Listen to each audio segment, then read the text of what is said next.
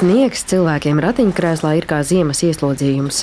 Pat ja vairums ielu tiek tīrītas ātri un rūpīgi, arī īss apsnigušas ietves posms var kļūt par nepārvaramu šķērsli. Tāpēc ziemā cilvēki ratiņkrēslos uz ielas ir pavisam reta parādība, un viņu klātbūtne kādā sabiedriskā vietā ir drīzāk pārsteigums, nevis pašsaprotama lieta.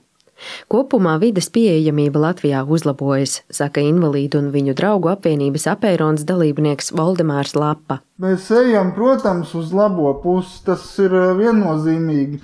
Ja būtu 90. gadi šobrīd, tad es mājās vispār sēdētu.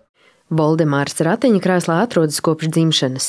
Viņš ir pieaudzis, aktīvs cilvēks, kurš dodas ārā no mājas gandrīz katru dienu, grib, var un dara to pilnīgi patstāvīgi. Tomēr bieži šķietami piemērotās ēkās viņam jālūdz palīdzība. Apsekojot četras vietas pilsētas centrā, iekļūšanu ēkā nosaukt par vienkāršu nevarēja nevienā no tām. Pieejamības jautājumos bieži kritizētajā ekonomikas ministrijā, kura atbild par būvniecības nozari, šogad beidzot uzstādīts pacēlājs. Pirms tam vienīgā iespēja iekļūt ēkā, kurā atrodas arī patērētāju tiesību aizsardzības centrs, bija lūgt, lai apsardzes darbinieki uznes pa kāpnēm. Pateicoties tam, ka valsts nekustamā īpašuma mums izremontēja fasādi, divu gadu laikā atjaunoja arī pie viena tika nodrošināta piekļuve ar pacēlāju cilvēkiem ar kustību traucējumiem vienā no ieejām. Tomēr iekarot ekonomikas ministrijas ēku nebija vienkārši. Pie vienas ieejas novietota poga, kura nestrādā, un nav arī nekādas norādes, ka tepat ap stūri atrodas pacēlājs. Uzticoties norādēm, cilvēks aiz durvīm, neviena nepamanīts, var pavadīt ilgu laiku, atzīst otrpus durvīm sastapts apsargs. Viņi ir uztaisījuši, ka tā poga it kā, it kā viņai būtu jāstrādā, bet viņi jau man te nestrādā. Tas cilvēks atbrauc uz to ratiņkrēslu, tad man jābūt švarcenegaram, lai viņi dabūtu augšā, godīgi sakot. Arī pie minētās ieejas cilvēks ratiņkrēslā apsardzes darbiniekos izraisa mulsumu. Patērētājs eh, tas tiesību aizsardzības centrs mums ir eh, otrkārt, pirmkārt otrajā ieejā. Un, nu, jā, mums ir otrajā ieejā viņš, eh, nu, bet tas pacēlājs ir šeit. Tad, kad īstās durvis izdodas atrast, ēkā iekļūt var, bet tas prasa daudz laika un visādi citādi pilnīgi patstāvīgs cilvēks ratiņkrēslā tik un tā ir spiests lūgt un gaidīt palīdzību.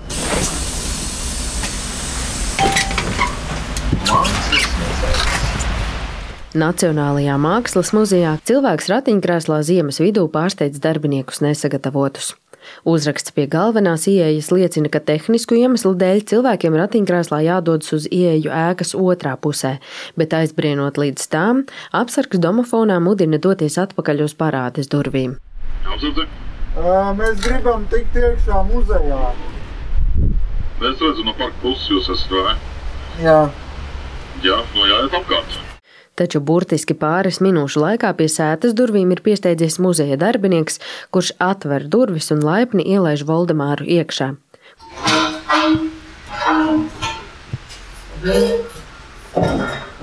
Netiek, es tā aizmugu, laikam tev būs jāpalīdz. Klasisks neveiksmīgs piemērs ir kādas privātas poliklīnikas pacēlājas vēsturiskā ēkā. Šaurajā priekštelpā ir grūti iekļūt, un pacēlāju līdz galam nolaist zemē var tikai tad, ja cilvēks pēc iespējas dziļāk iespiežas kaktā, citādi platforma atduras pret ratiņiem. Kamēr cilvēks ratiņkrēslā mēģina iegrozīties uz platformas, pārējie apmeklētāji netiek garām un gaida. Poliklīnikā iesaka nākamreiz ierasties asistenta pavadībā un uzskata, ka ar vides pieejamību viss ir kārtībā, taču Valdemārs nepiekrīt. Nu, arī mēs tikām iekšā, bet nu, nebija līdz galam, nebija ērta tikšana. Tāpēc, es uzskatu, kas ir ērta tikšana, tā ir, ka tu uzreiz vari tikt. Tādējādi veidojas apburtais lokus. Vides pieejamības prasības formāli ir ievērotas, bet risinājumi ir tik nērti un sarežģīti, ka cilvēki tos izvairās lietot. Taču no vides pieejamības ieguvēji ir ne tikai cilvēki ratiņkrēslos, uzsver vides pieejamības eksperts Jurģis Briedis. Pacēlājs viņi ir ļoti dažādi. Un...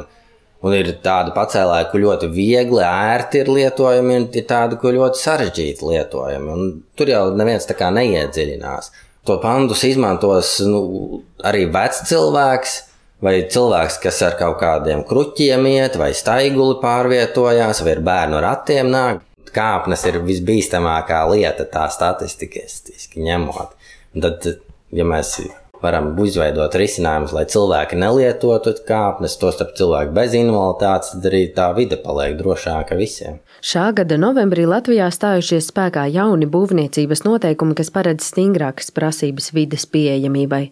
Tomēr vēl svarīgāka par noteikumiem ir attieksme, saka apērona vadītājs Ivars Balodis. Tur ir jānoņem kaut kāds paklājs nost, ir jāizsauc policija, ir jāizsauc apsargs, ir jāzvana pa 15 dažādiem telefoniem. Un tas ir viss tik sarežģīti, ka tev negribās otrreiz apmeklēt to iestādi, kur šāda pieejamības risinājumi ir. Tas ir, man liekas, ka arī tas attieksmes un domāšanas šķērslis ir milzīgs. Pieejama vide cilvēkiem ratiņkrēslā ļautu būt mazāk atkarīgiem no līdzcilvēku palīdzības un tādējādi dotu viņiem vairāk patstāvības, brīvības un iespēju parūpēties par sevi pašiem.